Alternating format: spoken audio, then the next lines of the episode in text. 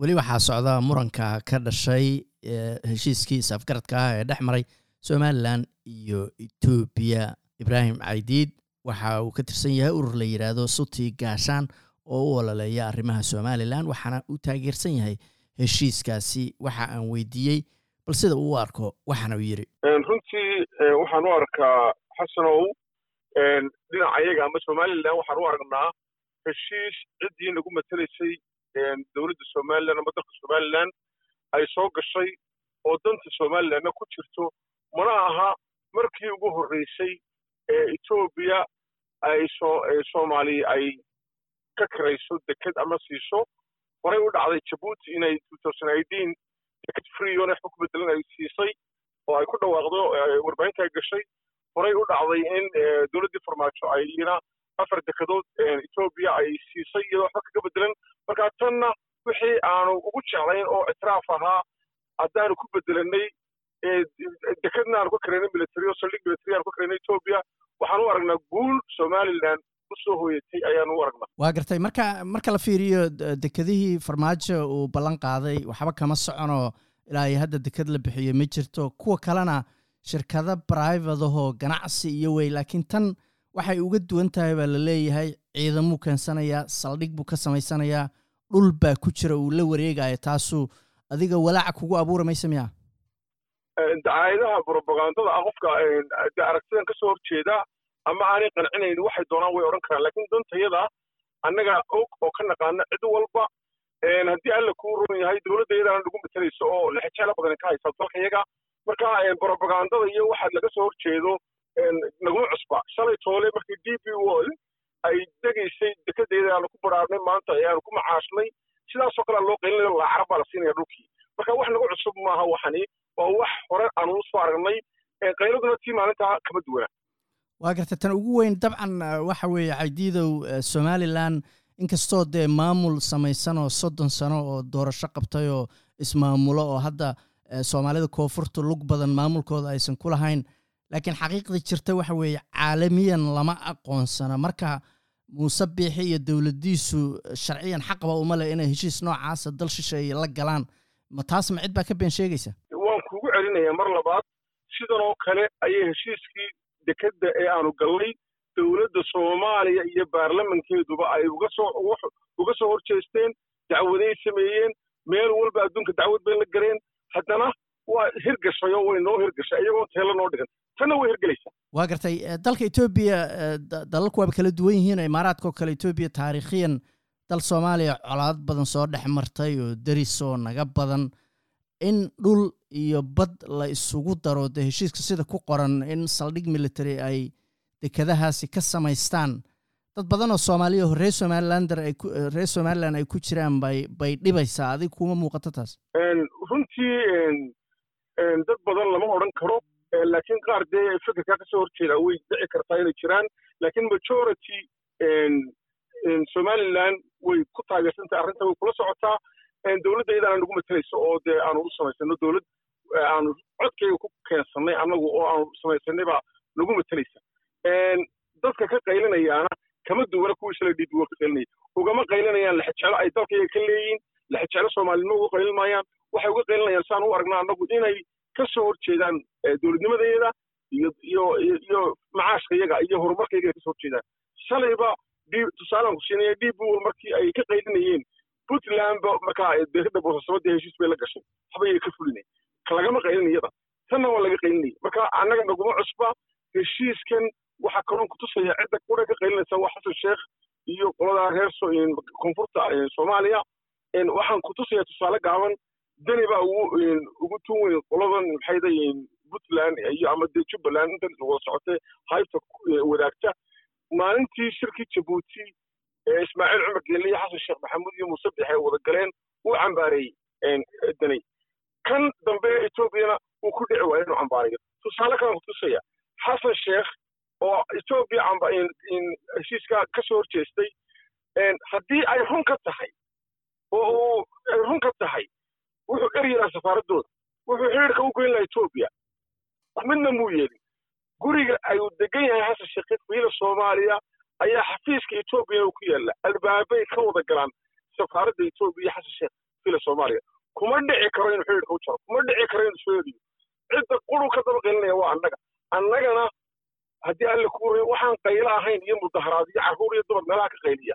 Waxaan ahayn naguma samayn karo. Marka heshiiskaygana wuu hirgelayaa waanu dantaydaana ku jirtaa cidda qaylinaysaana waa cidaan annaga waxba noo ayaan u aragnaa waa garta cidda marka laga reebo koonfurta iyo madaxweyne xasan sheikh iyo borama mudaharaadyo ka dhaceen lughaye ka dhaceen inkastoo tiro cad hadda dee adiguna aadan dhihi karin inta arrintan ka soo horjeeda ama taageersan somalilan gudaheeda.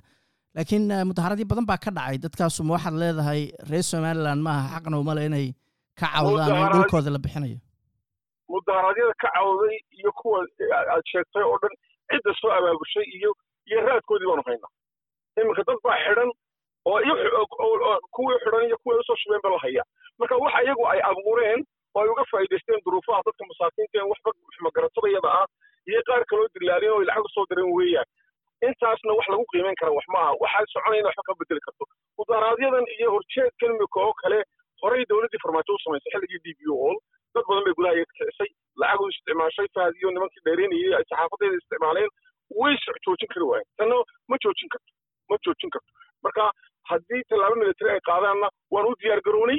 Haddii qaylo un ay noqotaan qaylo horey waxnaba nooga joojin kari weydo d b wol ayaanu kaga baranay qaylada heshiiska waxaa ku qoran in konton sano loo saxiixay dekedahaas inay iyo iyo iyo dhulkaas iswata dad badan baa aaminsan haddayba lugta la soo galaan ciidamo etoobiyaana iyo dowladda etoobiya ay maamusho inay ku fidayso laga yaabo berito berbere iyo hargeyse iyo dhul ka shisheeyo xataa somalilan ka baxsan oo soomaalidaas kalea inaysan halkaas ku joogsan. Arrintaasu walaac adiga kugu abuuri mayso walaalow walaac hadduu jiro oo ay run tahay etoobiya iyadaa haysato koonfur galbeed soomaaliya lafda gareen iyadaa xukunta haddii alla kuu roon yahay ma tegi karo maanta mukhtaar roboga ka soo hanjabaya xamar ka soo hanjabaya magaalada u dhashay ma tegi karo etoobiya ka joojin karta oo lafda gareenna xukunta. Xaqadaan isu sheegno meesha lagu idhahdo jubbaland ee kismaayo waxaa xukunta kenya oo keentay axmed madoobe u qabat madaxweyne farmaajo oo deegaankiisu geda uu yahay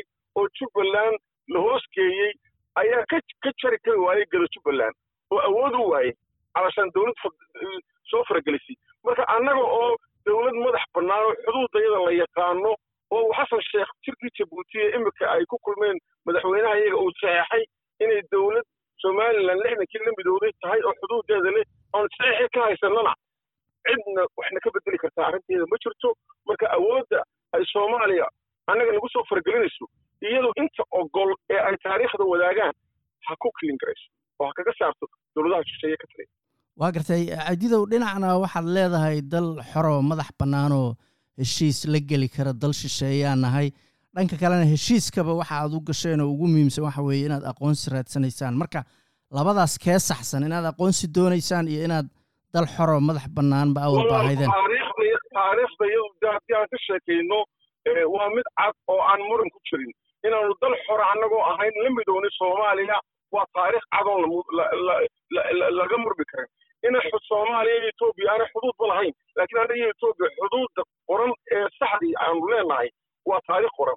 Wixii naga qaldamayna waa wix lixdankii naga qaldamay oo afkaanu kula heshiino lana afduubay tiina waanu ka soo noqonnay awood baanu maanta kula soo noqonnay dalkayga annagaa maamulla cidi naguma maamuli karto. Marka waxa naga qaldanee naga dhimanna waanu kuu sheegay. Inaanu xuduud lahaynna way jirtaa ayaanu xor ahayn. Maanta inta naga dhimanna waa intaa aanu haddii alla kuu roon yahay ku bedelanay tan waanu qoran yahay maanta ictiraafka iyagu oo waad arki doontaa haddaynu noolana dhowaan. Saddex bilood gudahood bay ku dhowaanaysaa arrintani etoobiya markay ku dhawaaqdo ictiraafka iyagana dowlado badan oo kaloo imkaana kuu sheegay oo qaar waaweyn oo nadahinaya ku jiraan ayaa iyaguna ku dhawaaqi doona ictiraafku maaha mid caashaq iyo jacayl iyo nacayb ku imanaya wuxuu ku imanayaa dano danaha istiraatiijiyad baanu haysanaa ilaahay baana siiyey oo nagu beeray taasaanu iib geynayna soomaalidana markii hore istiraatiijiyadda ay ku faanto dowladdii soomaaliya ku faani jirtay siyaad barre uu maraykanka iyo ruushkeeda jirayay taayadun bahay taayadun baan maanta adduunka la saaxiibnaan ku bedelayna wixii aan ugu jeclayn soomaalida maantana qaylo waxaan ahayn iyo xaasidnimo waxaan ahayn kuma aragno hadday wanaag waddo inay wanaaggaa nagu taageertaa bay ahayd shalay baynu u nimi annagaa midaynay maantana annaga ka tagnay waa gartay caydiidow dadka arrintan falanqeeyo ama soomaali ha aadeen ama somalilan ha joogeen ama soomaaliyada kale ama dibadee adugu dhowr goor hadda waxaad ku celcelisay dowladda iyadaanu uga dambaynayna laakiin dowladda hadda muuse biixi baa madaxweyne ka ah isagaa arrintan soo saxiixay. Waktigu waa ka dhammaaday doorashadii waa diidan yahay. Marka laftigiisu lama soo lama dhihi karo mandhaydba uma laha hadda inuu xataa haddii waddan xoro maaragtay xoraba aatiin xaq uma laho waa madaxweyne waktigiisa ka dhammaaday. Aan somalilan gudaheedana popular ka ahayn wax diidanaya ama iga soo horjeeda wanaagayga ka soo horjeeda wuxuu uu oran karaa xor buu yahay. Lakin xaqii markaynu ku hadlo madaxweynaha iyagu waa ka keliya ee one man one vote lagu doortay. Oo sida xasan sheekh intii laba boqol qof meel isugu urursadeen oo weliba la kala iibsanaya aanay dooran qof kasta oo xorriyaddiisa madaxweynaha ku doortay. Doorashada dhici weydeyna sababahay u dhici weyday waa mid aanu muuse bixiba lahayn mucaaradka ka timi oo ay qaladka keeneen oo waa la wada ogyahay muuse bixi wuxuu qabtay doorashooyinkii ugu wanaagsanaa intii uu joogay oo baarlamanka iyo haddii alla ku rariyo counsilka deegaankaba ah isagoo faragelin. Ta dambana saasuu qabanaya.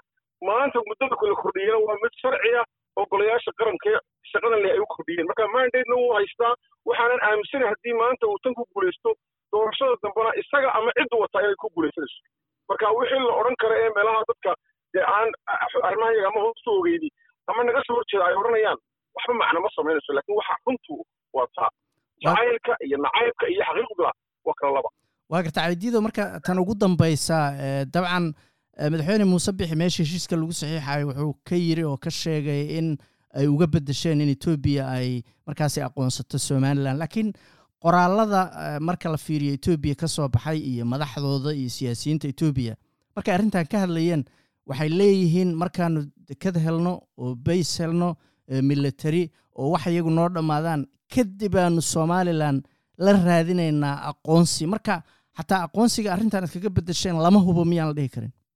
May walaal xoogaal baan anigu ahay. Aqoonsigana imika waxa heshiiska la gaadhay waa isfahanuun.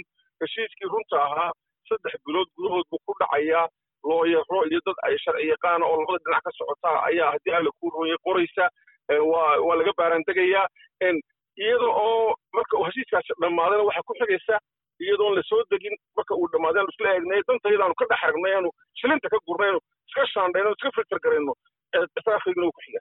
Marka arrintaas waa arrin marka bilowa saddex bilood gudoodna ku dhammaanaysa. Wixii meelaha laga leeyay iyo xaqiiqda waa kala laba. Kaasina wuxuu ahaa ibraahim caydiid oo ka tirsan ururka la yidhaahdo suti gaashaan oo ah urur u ololeeya arrimaha somalilan